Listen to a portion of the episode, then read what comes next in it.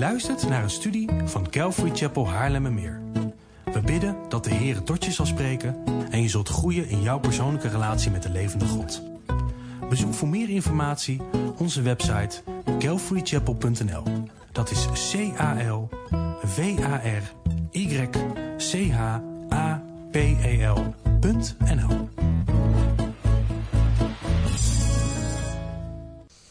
Zoals gezegd gaan wij de komende twee zondagen, inclusief vandaag, een kleine karakterstudie doen van een aantal mensen. En waarom een kleine? Omdat het me al heel veel moeite kostte om het binnen de tijd te houden. En dan gaan we maar naar drie situaties kijken in het leven van Abraham en Sarah. En ik had veel meer willen behandelen, maar er was simpelweg geen tijd voor.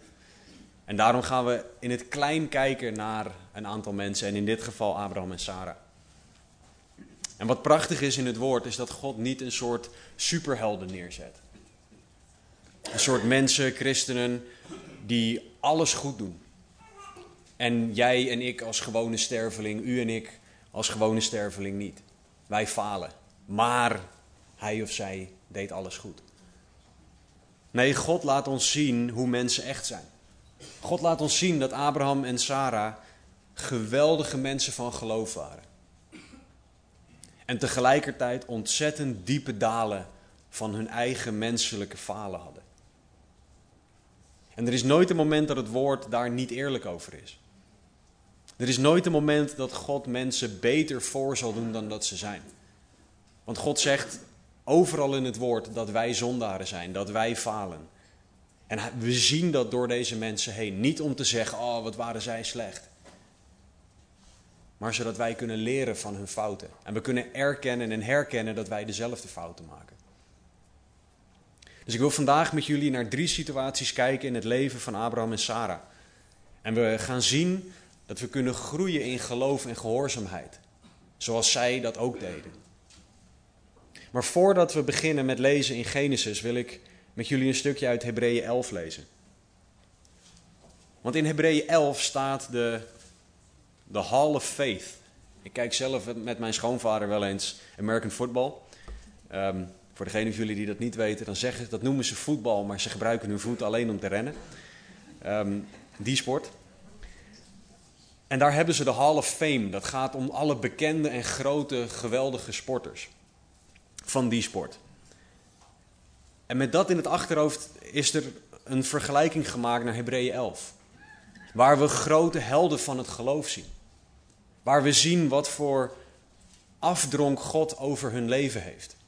Want we gaan zo direct in Genesis gaan we kijken naar goede, maar ook minder goede daden van Abraham en van Sarah. Maar de afdronk die God heeft van het leven van Abraham en Sarah in, in Hebreeën 11 is fantastisch. Dus Hebreeën 11, vers 8 tot en met 12. Door het geloof is Abraham, toen hij geroepen werd, gehoorzaam geweest om weg te gaan naar de plaats die hij tot een erfdeel ontvangen zou. En hij is weggegaan zonder te weten waar hij komen zou.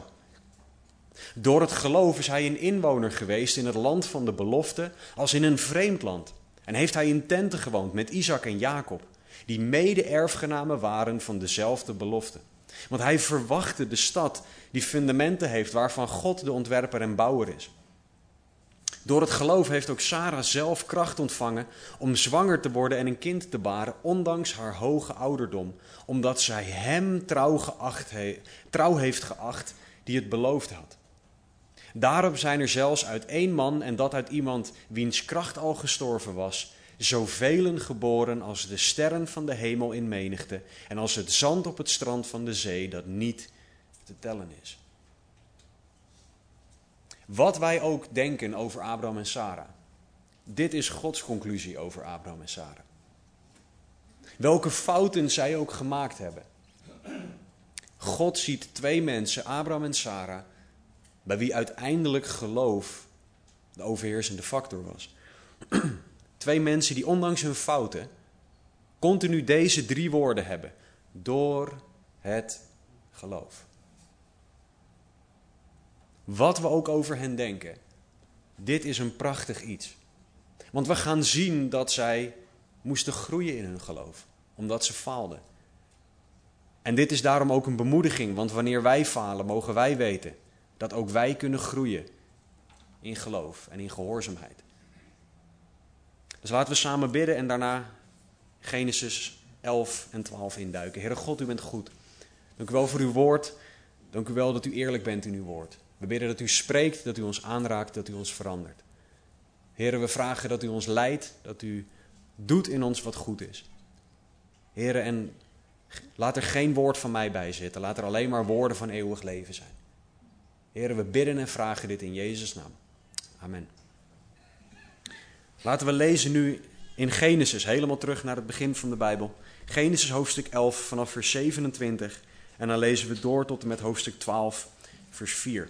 Dit is het eerste moment dat Abraham op het toneel verschijnt in de Bijbel. En er staat in Genesis 11 vers 27, dit zijn de afstammelingen van Tera. Tera verwerkte Abraham, Nahor en Haran en Haran verwekte Lot. Haran stierf tijdens het leven van zijn vader Tera in zijn geboorteland in Ur van de Galdeeën. En Abraham en Nahor namen zich vrouwen. De naam van Abrahams vrouw was Sarai. En de naam van Nahors vrouw was Milka, een dochter van Haran, de vader van Milka en Jiska.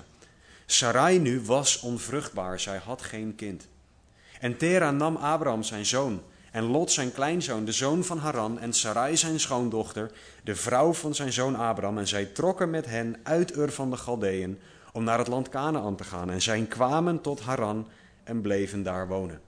De dagen nu van Tera waren 205 jaar en Tera stierf in Haran. De Heere nu, Genesis 12:1, zei tegen Abraham: Ga uit uw land, uit uw familiekring en uit het huis van uw vader naar het land dat ik u wijzen zal.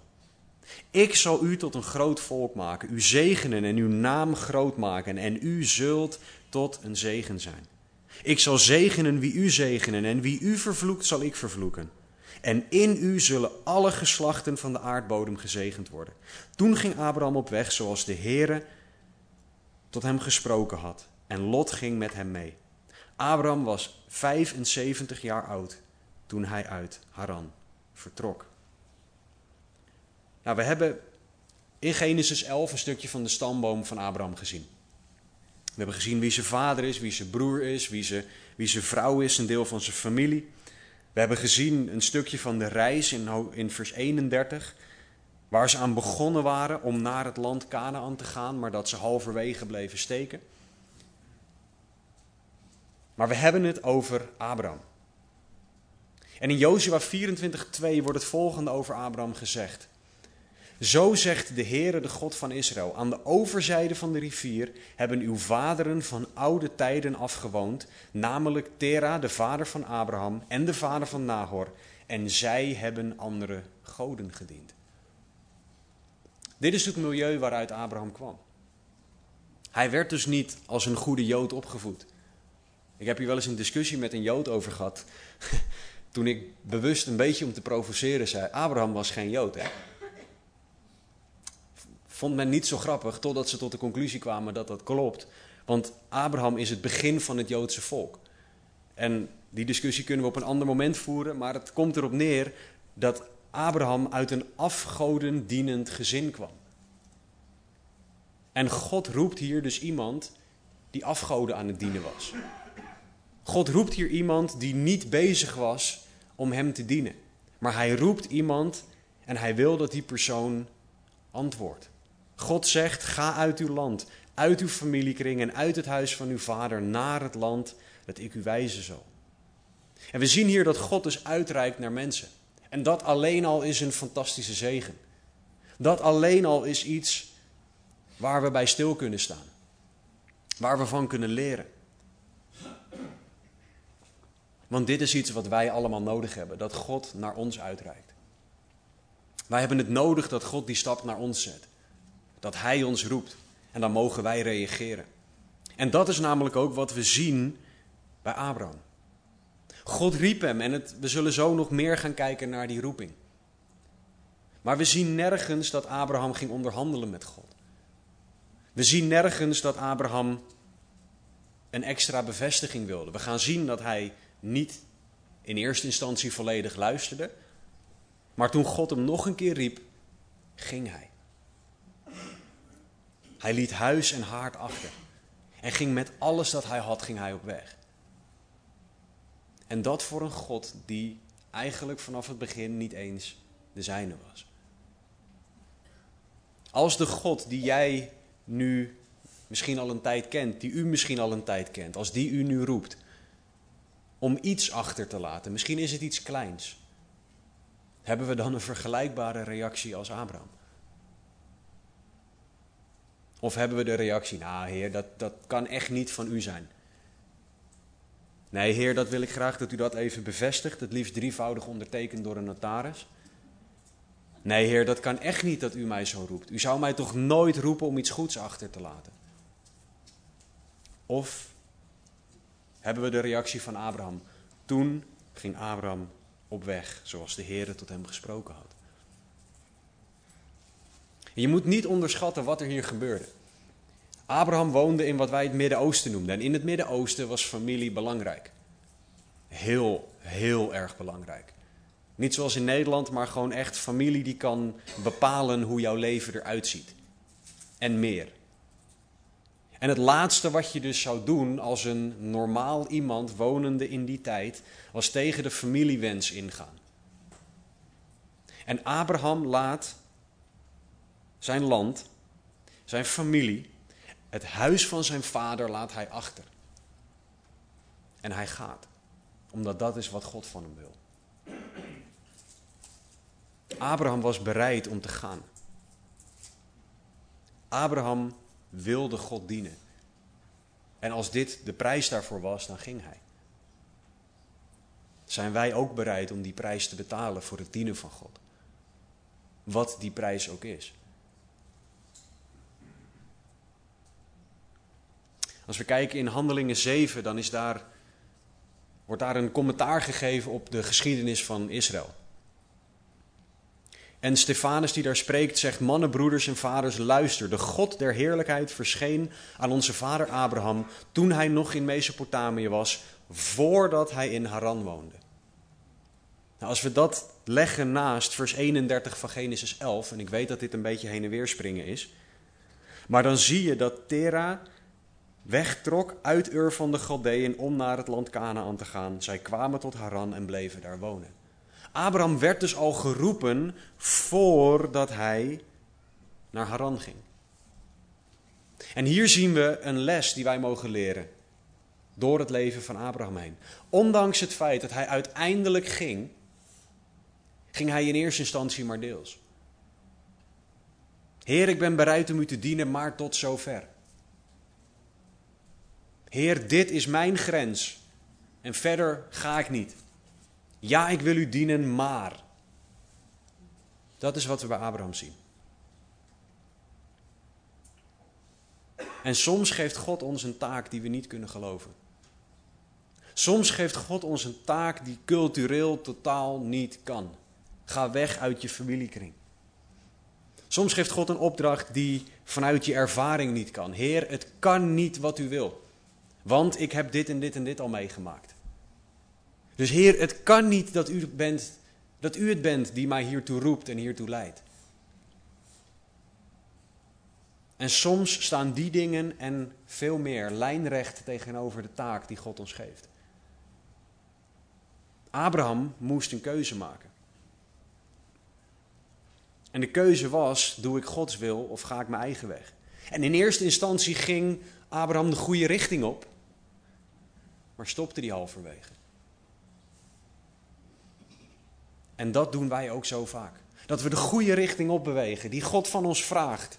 Ondanks dat het misschien zelfs al pijnlijk is om die eerste paar stappen te zetten. Maar echt die laatste drempel over, dat laatste stukje verder, zijn we niet toe bereid. Want we houden vast aan puntje, puntje, puntje. Abraham moest groeien in zijn geloof en in zijn gehoorzaamheid. En tussen die eerste keer dat hij geroepen werd, toen hij nog in Mesopotamië woonde, en de tweede keer, Genesis 12:1, is Abraham meer op God gaan vertrouwen. En heeft God ook ervoor gezorgd dat een deel van de reden waarom Abraham niet ging, dat is dat zijn vader nog leefde, dat die reden weggehaald werd. Hij had nu geen enkele reden meer om te blijven. Maar we moeten nog steeds niet onderschatten wat God vroeg. God vroeg om weg te gaan bij zijn familie, weg te gaan uit het land dat hij kende, naar een onbekend land. En oh ja, dat ook nog eens op de fantastische leeftijd van 75 jaar. Niks tegen mensen van 75, voor de duidelijkheid. Het is niet zo dat dat een leeftijd is waarop God denkt: nee, misschien is het een beetje voorbij, verre van. Voor Abraham begon het nu pas. Dus 75 is een fantastische leeftijd om God te gaan dienen. Eerder mag ook trouwens. Maar we mogen, maar we mogen dus leren dat wat onze leeftijd ook is, we achter God aan mogen gaan. Want God is al die tijd geduldig en genadig geweest. Er staat nergens dat God bliksem uit de hemel stuurde om Abraham maar gewoon een beetje op weg te, te duwen. Abraham moest zelf kiezen om te reageren op Gods roepstem. Dus christen, onderwerp jij je aan Gods leiding. Ook als de cultuur misschien tegen jou is, als jij Gods roepstem hoort. Ook als jouw eigen ideeën ingaan tegen wat Gods roepstem is. Ben jij bereid om een stap in geloof te zetten en in gehoorzaamheid, ook als je niet ziet waar je heen moet?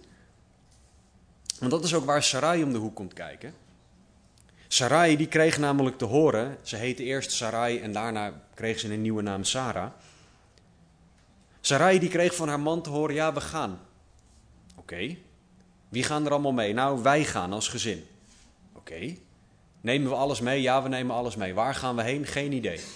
Hoe lang duurt het? Geen idee. Wie roept ons? God. Ja welke God? Ja de God die we niet kunnen zien. Nou, top. Goed idee, Abraham. Dat is de keuze waar ook Sarai voor stond. Om mee te gaan. En Sarai, deze vrouw, moest dus ook een stap in geloof zetten. Maar de stap in geloof voor haar kwam denk ik nog veel dichterbij. Want als we teruggaan naar Genesis 11, vers, 29, eh, vers 30, staat er over Sarai: Sarai nu was onvruchtbaar. Zij had geen kind. Nou is dat op zich is al een situatie die niet makkelijk is. Die pijnlijk is. Die begrijpelijk verdriet veroorzaakt. Zeker in een cultuur waar het krijgen van kinderen heel erg belangrijk is, vanuit het perspectief om je familienaam voort te zetten. We moeten echt niet onderschatten door wat voor pijn Sarai als vrouw heen ging. En Abraham in het verlengde daarvan. Want oh ja, de naam Abraham betekent verhoogde vader. Dus moet je je voorstellen. Sarai, die weet van zichzelf dat ze onvruchtbaar is. Wat al pijn doet. Die weet wat de naam van haar man betekent, verhoogde vader. Elke keer dat zij haar man roept, wordt ze herinnerd aan het feit dat zij hem niet kan geven wat zijn naam betekent. Hoeveel pijn en verdriet moet zij gevoeld hebben? Elke keer werd ze herinnerd aan haar eigen falen, als je het even zo kan noemen. En natuurlijk is het niet haar eigen falen. Dat is echt niet wat ik hier probeer te zeggen, maar het kan zo voelen. Want je wil zo graag, maar het lukt niet. Ik zou zo graag, maar het kan niet.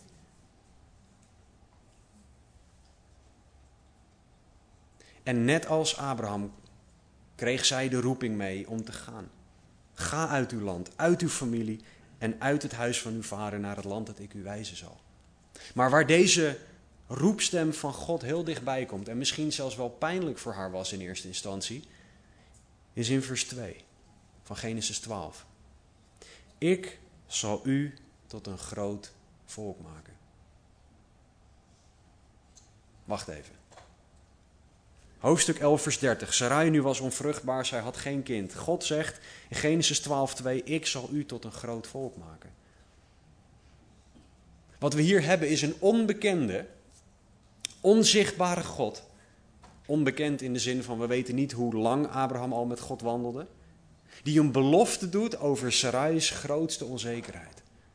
Over Sarai's grootste pijn en over haar grootste verdriet. Want de vraag is, Oké, u, gaat u gaat hem tot een groot volk maken. Hoe dan? Want dat kan niet via mij. Dus God is die belofte wel via mij of moet dat via iemand anders? Of hoe wilt u dat dan doen, God? Het kan voelen alsof God hier bijna zout in een wonde aan het, aan het strooien is. Want God weet dat zij onvruchtbaar is. En toch geeft God deze belofte. En wat we hier zien is dat God dus soms met zijn opdracht onze diepste onzekerheid raakt. Onze diepste pijn, onze diepste verlangens en onze eigen onmogelijkheden. Want God nogmaals zegt tegen een onvruchtbare vrouw via haar man dat er een groot volk zou komen. Sarai moest echt leren om op God te vertrouwen. Sarai moest hier echt leren om te weten wie God is en om te weten dat God goed is. Zij moest leren wat er in 2 Korinthe 5, 7 staat. Wij wandelen door geloof, niet door aanschouwing. En wat we bij beide zien, dat Gods roeping een les is in geloof. Een les in gehoorzaamheid. Want God vroeg dingen die niet pasten bij de cultuur. God vroeg hier dingen die niet mogelijk leken. Die zelfs waarschijnlijk pijnlijk waren om aan te horen. En Abraham en Sarai moesten leren vertrouwen op God. En uiteindelijk, wat we lazen in Hebreeën 11, worden zij geroemd om hun geloof. Geroemd om het geloof dat ze hadden terwijl ze hiervoor een bizarre opdracht van God stonden. Want vanuit hun situatie was dit een bizarre opdracht, een bizarre vraag van God. Maar wat we zien in hun, verderop ook in hun leven, is dat God trouw is aan zijn belofte. Want God maakt het onmogelijke waar. Hij leidt ze in het onbekende en in, het, in alles wat ze aan vragen konden hebben. God vermeerderde wat ze hadden. En was uiteindelijk te vertrouwen. En die God is niet veranderd. Die God is en blijft dezelfde.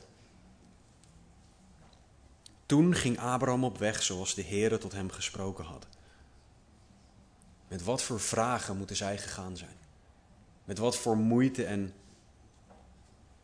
hartsgesteldheid? Wat voor dingen gingen er door hen heen? We zien hier dus echt mensen die leven vanuit geloof, want ze gaan. En dat is een van die hoogtepunten, want ze gaan, ze doen het. Maar vanaf vers 5 wordt het anders.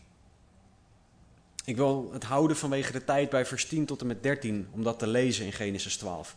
Er staat, er kwam hongersnood in dat land.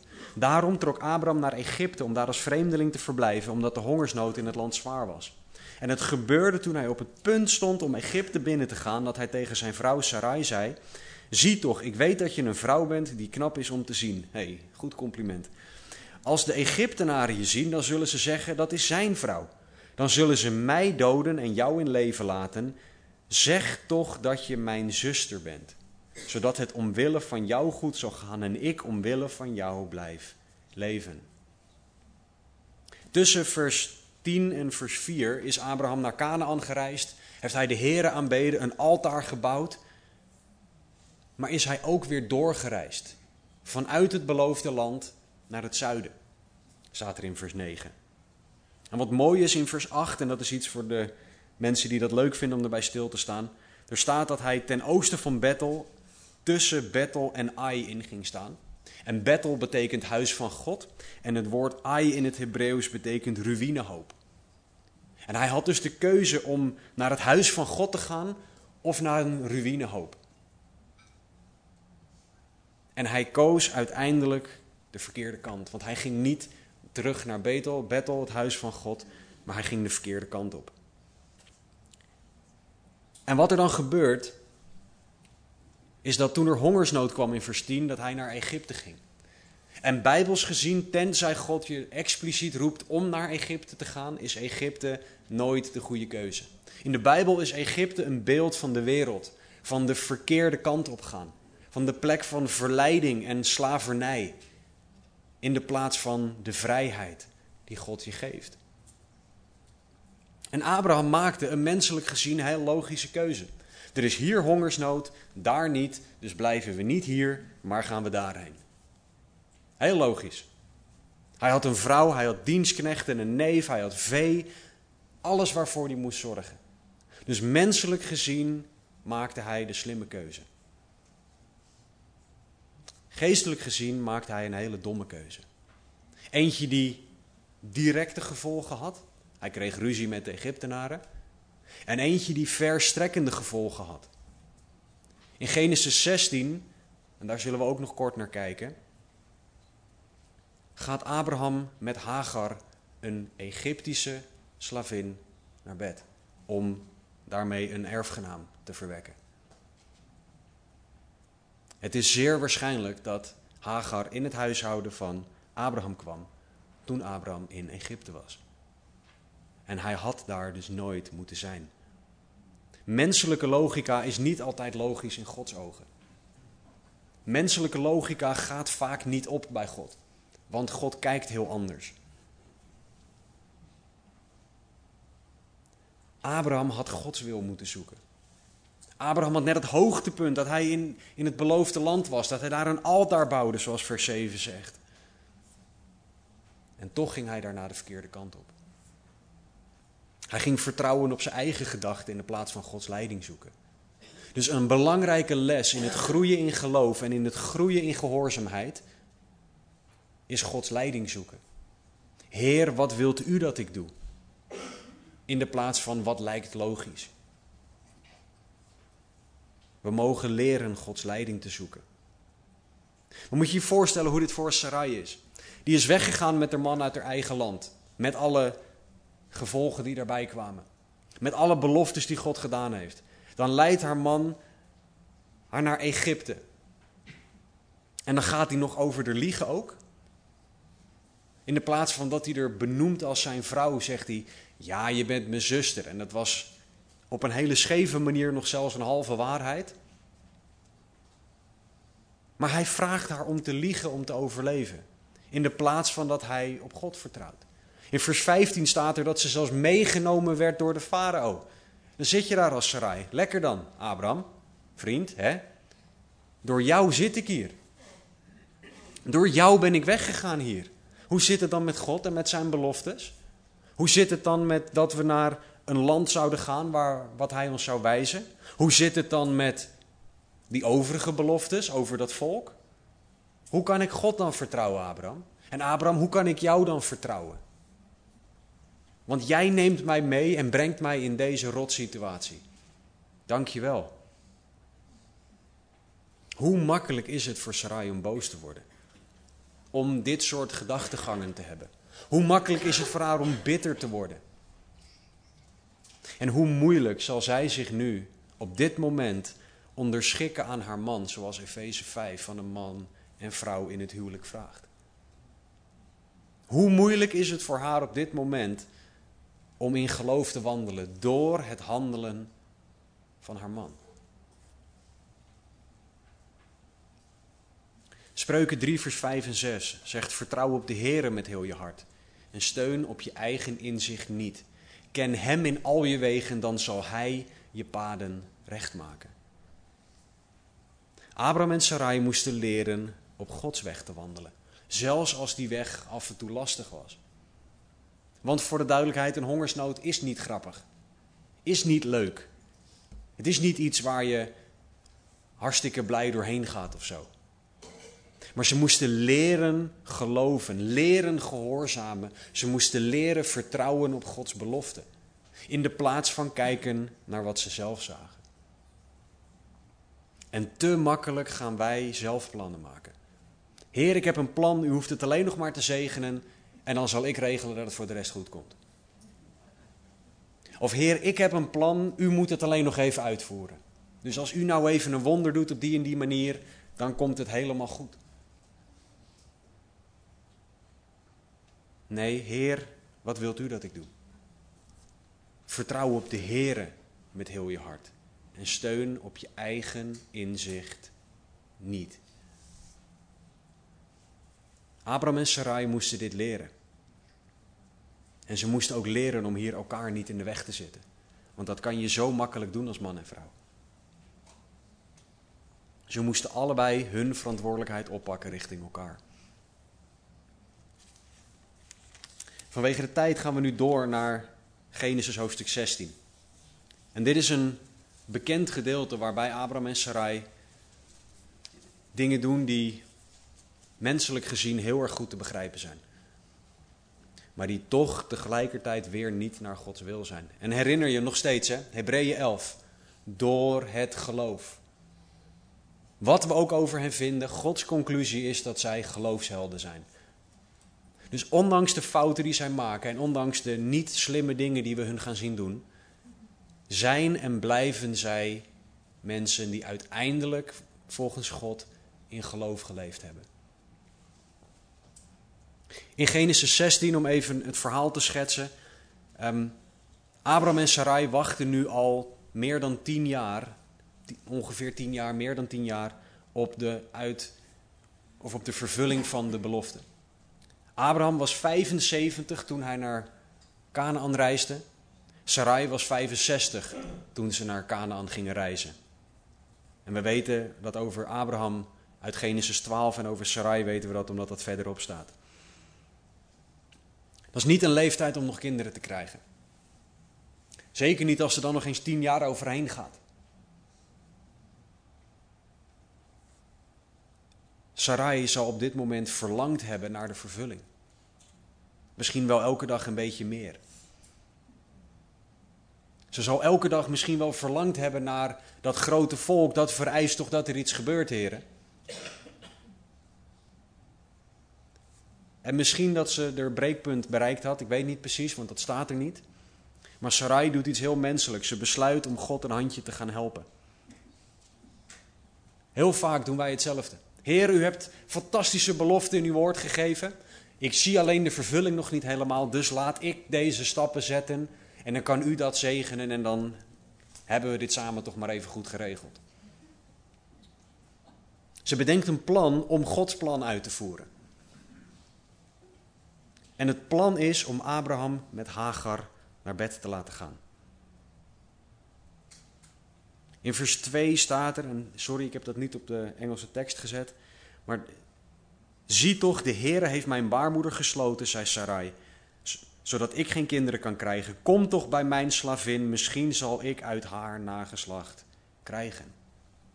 En het idee was dan dat als de slavin van de meesteres een kind kreeg, dan kon de meesteres dat kind claimen. Ik zeg niet dat het een hele gezonde situatie was, maar dat is hoe dat kon in die tijd. En wat je dan had in deze logica, er is een kind, dus is Gods belofte toch vervuld? Dat heet een win-win. Hoeveel pijn en ongeloof en onbegrip moet er ten grondslag hebben gelegen aan deze suggestie van Sarai? Want stel, bedenk je even wat er hier gebeurt. In een huwelijk stelt de vrouw nu voor aan haar man: ga jij maar met een andere vrouw naar bed om via haar een kind te krijgen die ik dan voor mijzelf ga claimen. Hoeveel pijn moet er geweest zijn voordat je tot dat punt komt als vrouw? Dat je bereid bent om je man te delen. Om het huwelijksbed te delen. En om dan maar een kind via een ander, en ik bedoel het echt niet negatief over kinderen, maar meer over het proces. Om dus het op die manier te, te laten gebeuren. Sarai erkent op dit moment niet dat God op de stoel van de Almachtige zit. En dat God de Almachtige is. Sarai gaat voorbij aan het feit dat God een wonder kan doen. Zij ziet alleen maar een onmogelijke situatie. Heer, u hebt dit beloofd, het is nog niet gebeurd, dus ik regel dit even. Sarai erkent door haar pijn niet dat een huwelijk tussen één man en één vrouw moet zijn.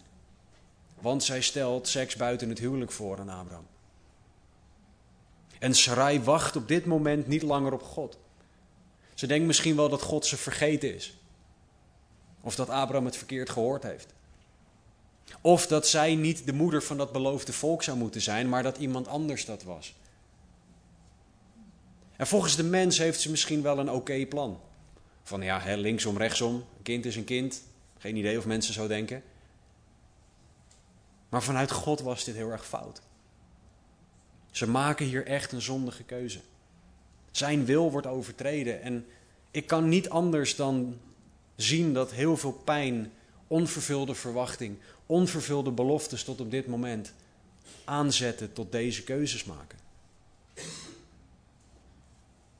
Want voor de duidelijkheid, tien jaar wachten op een belofte, die hierna trouwens nog vijftien jaar op zich liet wachten. Wij vinden tien minuten wachten op iets al lang. Tien jaar wachten. Op iets wat je zo graag wil. Dat doet soms gekke dingen met een mens. En wij kunnen dus ook pijn, onvervulde verlangens, beloftes waar we nog op wachten, het wachten op Gods timing en andere dingen, onze daden laten bepalen. In de plaats van dat wij leren wachten op God en op Zijn timing. Dat we leren wachten op Gods vervulling van beloftes. Want uiteindelijk komt er een zoon. Verderop in het boek wordt kleine Isaac geboren. God moest zichzelf nog een keer aan hen laten zien. En als je doorbladert in Genesis, dan zie je dat in Genesis 21 Isaac geboren wordt. Vijftien jaar na dit moment. Ze moesten leren wachten op God en op zijn timing. En waar er heel veel pijn en verkeerde ideeën van Sarai waren, heb je hier ook Abraham. En nogmaals, held van het geloof. Een man naar Gods hart. In het grote plaatje. Maar Genesis 16 is een triest hoofdstuk uit Abrahams leven. Want hij wordt op dit moment verkeerd geleid door zijn vrouw. En hij laat zich verkeerd leiden. En voor de duidelijkheid, er is als man niks ergs aan luisteren naar goed Bijbels advies van je vrouw. Wij mannen moeten vaker luisteren naar goed Bijbels advies van onze vrouw. Zolang het Bijbels advies is. Abraham had moeten concluderen dat dit niet naar Gods wil was. Abraham had moeten concluderen: God heeft het beloofd, hij heeft het nog niet vervuld, dus gaan we wachten. Maar nee, in plaats van bidden staat er: en Abraham luisterde naar de stem van Sarai. En dat is niet luisteren, dat is en hij deed er iets mee. Vers 4 zegt: Hij kwam bij Hagar en zij werd zwanger. Ik weet niet of dit betekende dat Abraham geleid werd door lust. Of dat hij geleid werd door de gedachte dat hij zijn vrouw wilde geven wat ze wilde. Of dat er een andere gedachte door zijn hoofd heen ging. Maar voor hem was het ook al tien jaar in Canaan. Tien jaar wachten op die belofte. En hoe langer we moeten wachten, hoe vaker je ziet dat er een van twee dingen gebeurt. Of je wordt meer afhankelijk van God, of je breekt en je gaat je eigen wil doen. Abraham en Sarai braken en gingen hun eigen wil op dit moment doen. Abraham had Sarai op God moeten wijzen. Hij had haar moeten leiden in het vertrouwen op de Heer. Hij had dit moeten voorleven richting haar. Maar Abraham ging naar bed met Hagar en samen kregen ze Ismaël. En Ismaël is de voorouder van alle Arabische volken. En vanuit Ismaël heeft de wereld onder andere ook de islam gekregen. Een strijd tot op de dag van vandaag tussen de nazaten van Ismaël en de nazaten van Isaac, namelijk het Joodse volk. En dat allemaal omdat Abraham niet luisterde naar de Heer, maar omdat Abraham hier meeging in het idee van zijn vrouw. Psalm 27, 14 zegt: Wacht op de Heer. Wees sterk en Hij zal uw hart sterk maken. Ja, wacht op de Heer. Wij zijn zo snel geneigd om eigen plannen te maken.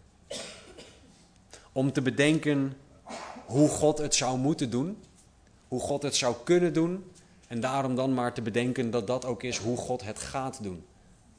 En als het anders gaat dan wij het bedenken, dan gaan we alsnog plannen maken. Of worden we boos of gefrustreerd. We mogen leren wachten op de Heer. We mogen groeien in geloof en in gehoorzaamheid.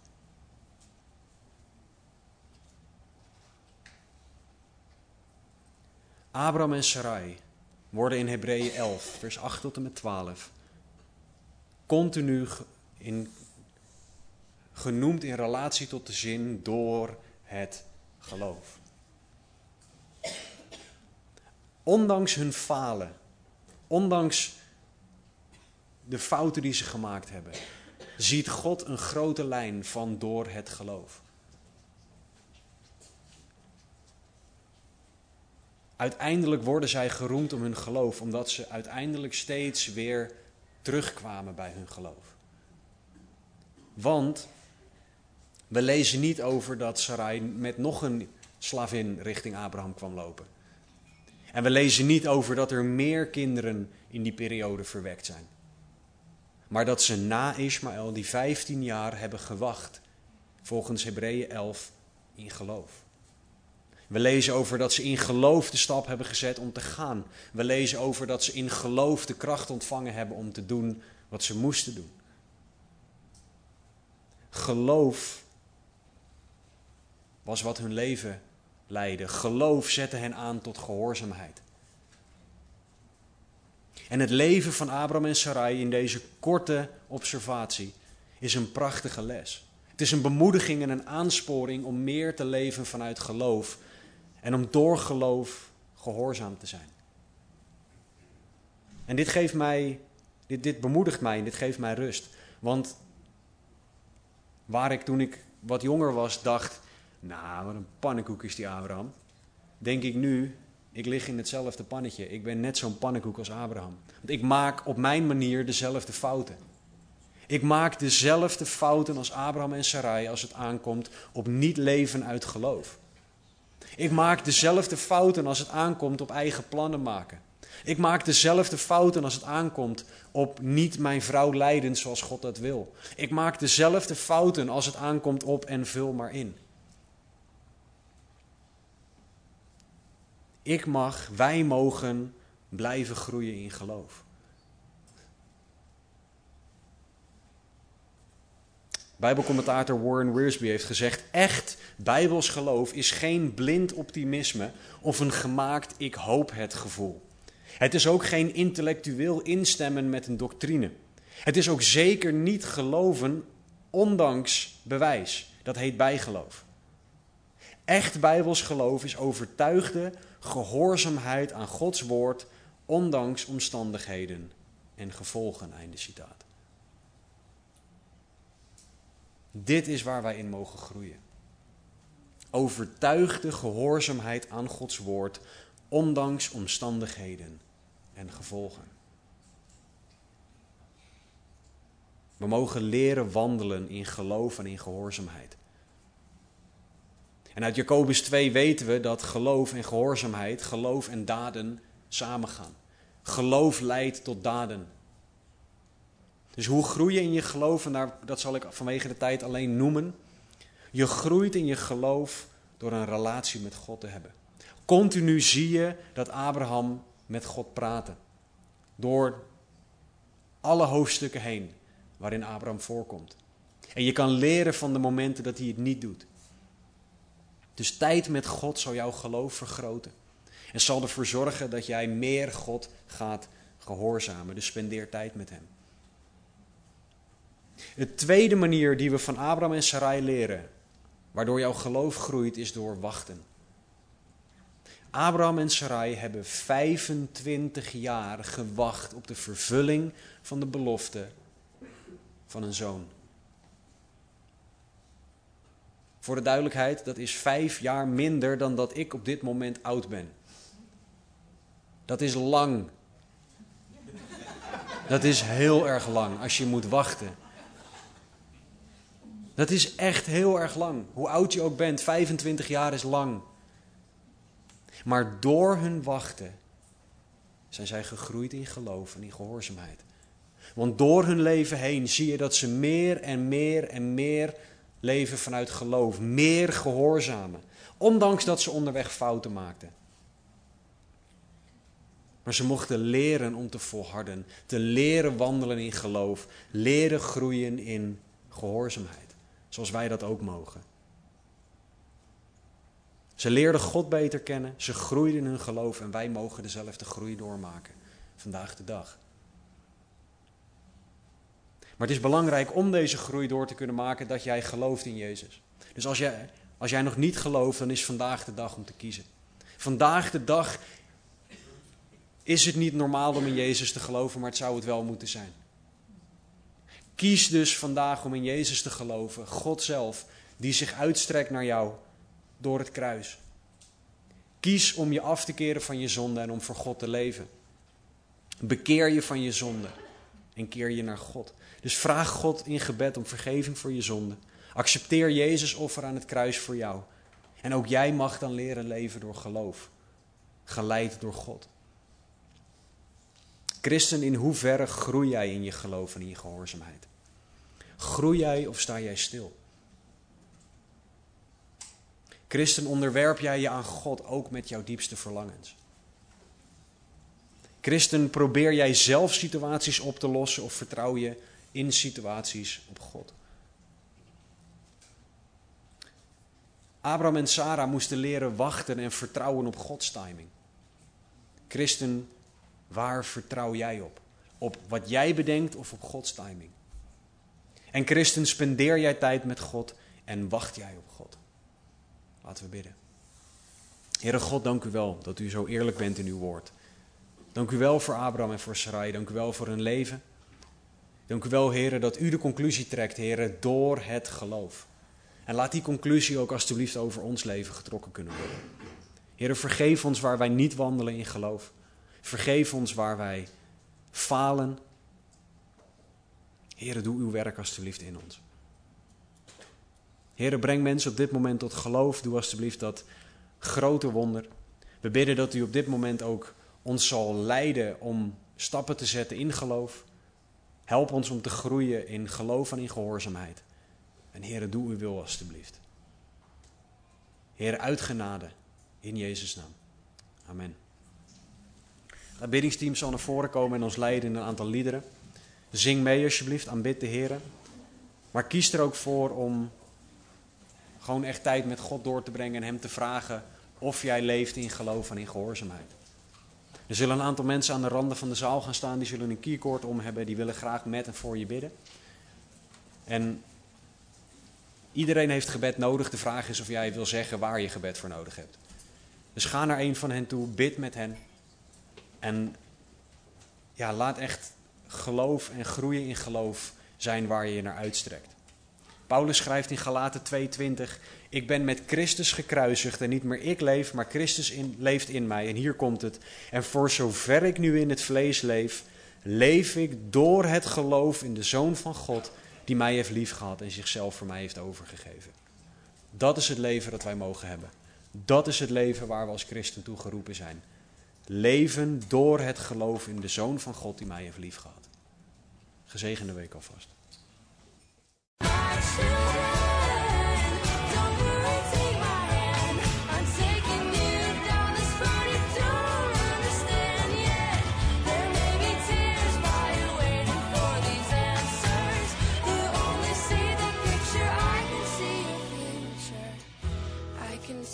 right now. It's gonna be alright.